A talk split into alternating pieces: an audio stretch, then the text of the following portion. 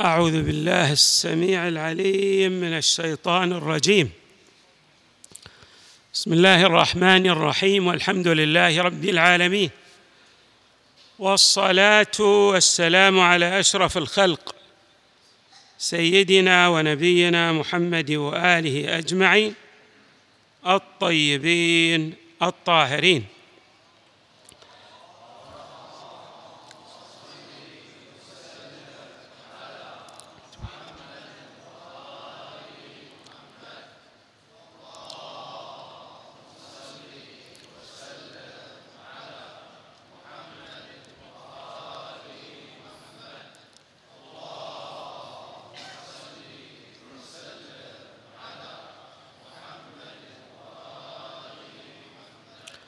قال الله تعالى في القرآن الكريم يا بني آدم قد أنزلنا عليكم لباسا يواري سوآتكم وريشه ولباس التقوى ذلك خير ذلك من آيات الله لعلهم يذكرون.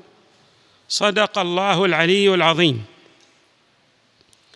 النبي صلى الله عليه وآله من سننه وهديه في ما يلبس.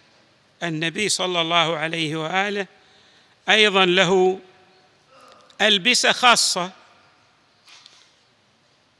والأنبياء والرسل عندما يقومون بأعمال فلأعمالهم دلالات رمزية بمعنى أنها تشير إلى مطالب وتؤكد على مبادئ. ولهذا نجد أن العلماء علماء الحديث وكذلك علماء الأصول يؤكدون أن السنة هي فعل المعصوم وقوله وتقريره. من هدي النبي صلى الله عليه وآله فيما يلبس. سنشير إلى أن في ألبسته صلى الله عليه وآله يؤكد على مطالب ثلاثة. المطلب الأول الذي يؤكد عليه هو أن هذا اللباس الذي يرتديه الإنسان هو نعمة من نعم الله تعالى أنعم بها عليه. وستره. ولهذا حري به أن يثني على الله حامدا وأن يشكر الله تعالى مثنيا على عطائه ونعمه. هذه الحيثية الأولى التي كان يؤكد عليها صلى الله عليه وآله فيما يلبس الشكر والثناء على الله والارتباط بالله تعالى وذلك أن هذه الألبسة التي يرتديها الإنسان هي نعمة من النعم التي أسداها الحق تبارك وتعالى على الخلق. كما تفصح عن ذلك بعض آيات القرآن الكريم. الأمر الثاني في اللباس هو أن النبي صلى الله عليه وآله أيضا يتصدق باللباس السمل الخلق. بمعنى أن اللباس إذا انتهى منه لا يبقيه وإنما يدفعه للفقراء. في بعض الناس قد لا يلتفت إلى هذه الحيثية. يقول كيف أعطي الفقير الثوب الخلق وأنا ألبس الثوب الجديد؟ خصوصا أنه ورد عن أمير المؤمنين عليه السلام أنه كان إذا اشترى ثوبين كان يعطي قنبرا الثوب الأحسن والأفضل. فيجد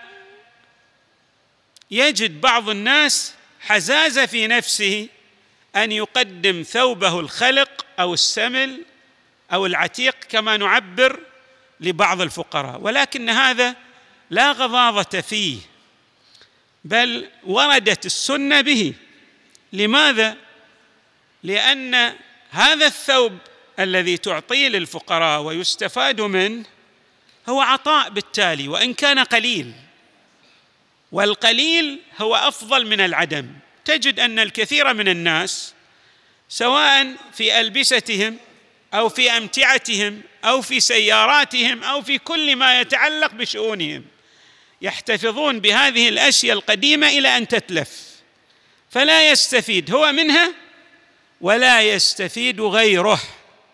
ولكن من هدي النبي كما سنلحظ في بعض الأحاديث أنه صلى الله عليه وآله يتصدق بثوبه الخلق السمل العتيق كما نعبر الذي لا يستخدمه بمعنى لا يبقي ثيابه وإنما يعطيها لمن يحتاج إليها. وهذا الهدي جد جميل باعتباره يجعل النعم في محلها. يعني لا تتلف. كل شيء لا يستخدم يتلف. يعني لا يعود بالنفع لا على صاحبه ولا غي ولا على غيره. فحري بالإنسان أن يلتفت إلى هذه الحيثية التي أيضا هي من هديه صلى الله عليه وآله وسلم. الحيثية الثالثة في لباسه أنه كان يختار الأبيض يعني الملابس البيضاء وهو بذلك يدلل على معنى جد هام أيضا ألا وهو السلام. الإنسان لا بد لا بد أن يعيش سلاما مع نفسه وسلاما مع غيره وسلاما مع الفئات الأخرى.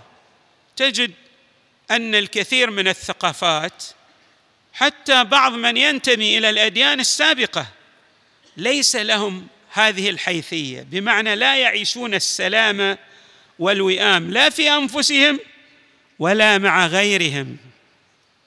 وكما يعبر القرآن مثلا عن اليهود كلما أوقدوا نارا للحرب أطفأها الله ويسعون في الأرض فسادا والله لا يحب المفسدين.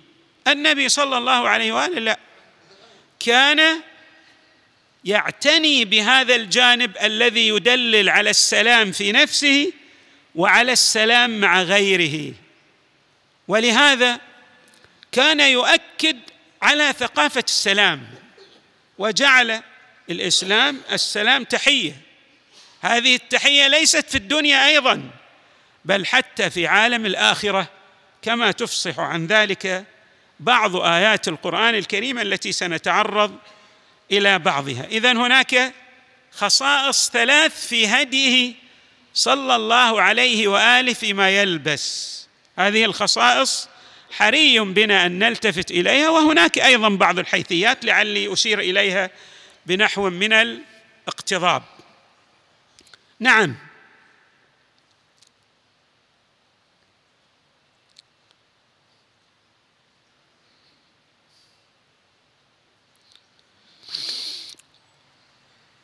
كان صلى الله عليه وآله من سننه إذا لبس ثوبا يلبسه من قبل الجهة اليمنى يعني يؤكد على اليمن.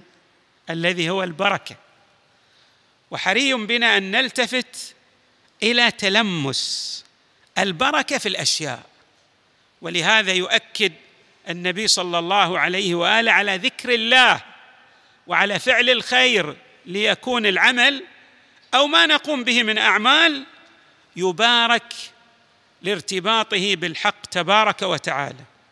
ويثني على الله كما قلنا يقول الحمد لله الذي كساني ما اواري به عورته وأتجمل به في الناس.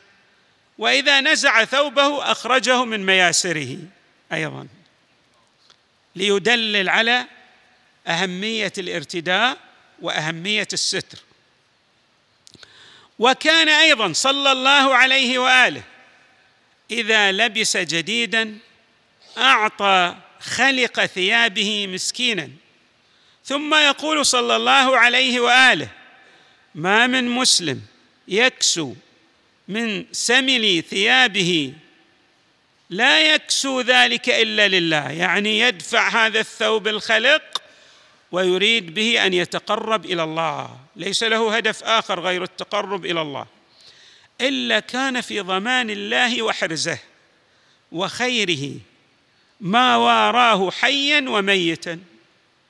الإنسان إذا بقي هذا الثوب على ذلك الذي استفاد منه الله تبارك وتعالى يعطيك حسنات. وإذا مات أيضا الله يكفل لك ماذا؟ الأمن من عذابه في عالم الآخرة. وروى ابن أبي جمهور ابن أبي جمهور الأحسائي يرحمه الله وهو من كبار من كبار علمائنا في موسوعته الحديثية. عنه صلى الله عليه وآله أنه كان يصلي في الثوب الواسع. يعني ما يلبس الملابس الضيقة خصوصا عندما يريد أن يقبل على الله. وهذا أيضا يشير إلى حيثية جد جميلة ألا وهي الارتياح في أداء العبادة. الإنسان لا يجعل نفسه في ضيق. في كل أمور حياته دائما يتلمس السعة. وكان صلى الله عليه وآله كما ورد في الكافي عن الإمام الصادق عليه السلام عن جده أمير المؤمنين أن النبي صلى الله عليه وآله أوصى بلباس الثياب القطنية. يعني الإمام أمير المؤمنين يقول هذا هو لباس رسول الله صلى الله عليه وآله وهو أيضا لباسنا أهل البيت. وأيضا عنه صلى الله عليه وآله كان يهتم في استقباله للوفود بتهيئة خاصة يعني يلبس ملابس تدلل على حسن الاستقبال والعناية الفائقة بمن يأتيه من الوفود احتراما وتجلى لهذه الوفود ايا كانت مذاهبهم أو أديانهم يحترمهم النبي صلى الله عليه وآله ويبدي لهم الترحاب. وكان صلى الله عليه وآله أيضا هذه الرواية أكثر ثيابه البياض ويقول ألبسوها أو البسوها أحياءكم ألبسوها أحياءكم وكفنوا بها موتاكم. وقلنا أن هذا الهدي الدال على مسألة اللباس الأبيض فيه دلالة جد هامة ألا وهي الدلالة على السلام. السلام جد هام. كما أشرنا لا يرتبط السلام الذي يعيشه الإنسان بحياته الدنيا المؤقتة بل أيضا يشمل الإنسان يشمل الإنسان في عوالم الغيب التي سيؤول إليها. الحق تعالى يفصح عن ذلك في عدة من آيات القرآن. وأدخل الذين آمنوا وعملوا الصالحات جنات تجري من تحتها الأنهار خالدين فيها بإذن ربهم. تحيتهم فيها سلام. حتى أهل الجنة ليس في الدنيا. أيضا في آية أخرى دعواهم فيها سبحانك اللهم وتحيتهم فيها سلام. وآخر دعواهم أن الحمد لله رب العالمين. والروايات في هذا الشأن فيما يدلل على السلام كما قلنا لأن هذه الملابس التي يرتديها النبي صلى الله عليه وآله لها دلاله رمزية وإفصاح عما يريد أن يرسخ دعائمه للبشرية جمعاء. ألا وهو مسألة مبادئ السلام. أن الإنسان يعيش السلام في نفسه يعيش السلام مع المجتمع الذي في يعيش في كنفه ويعيش السلام أيضا مع الناس كافة. وقد وردت روايات كثيرة في البدء بالسلام وفي أهمية السلام.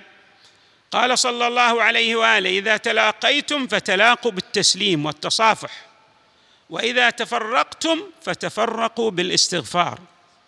وعنه صلى الله عليه وآله إن من موجبات المغفرة بذل السلام وحسن الكلام.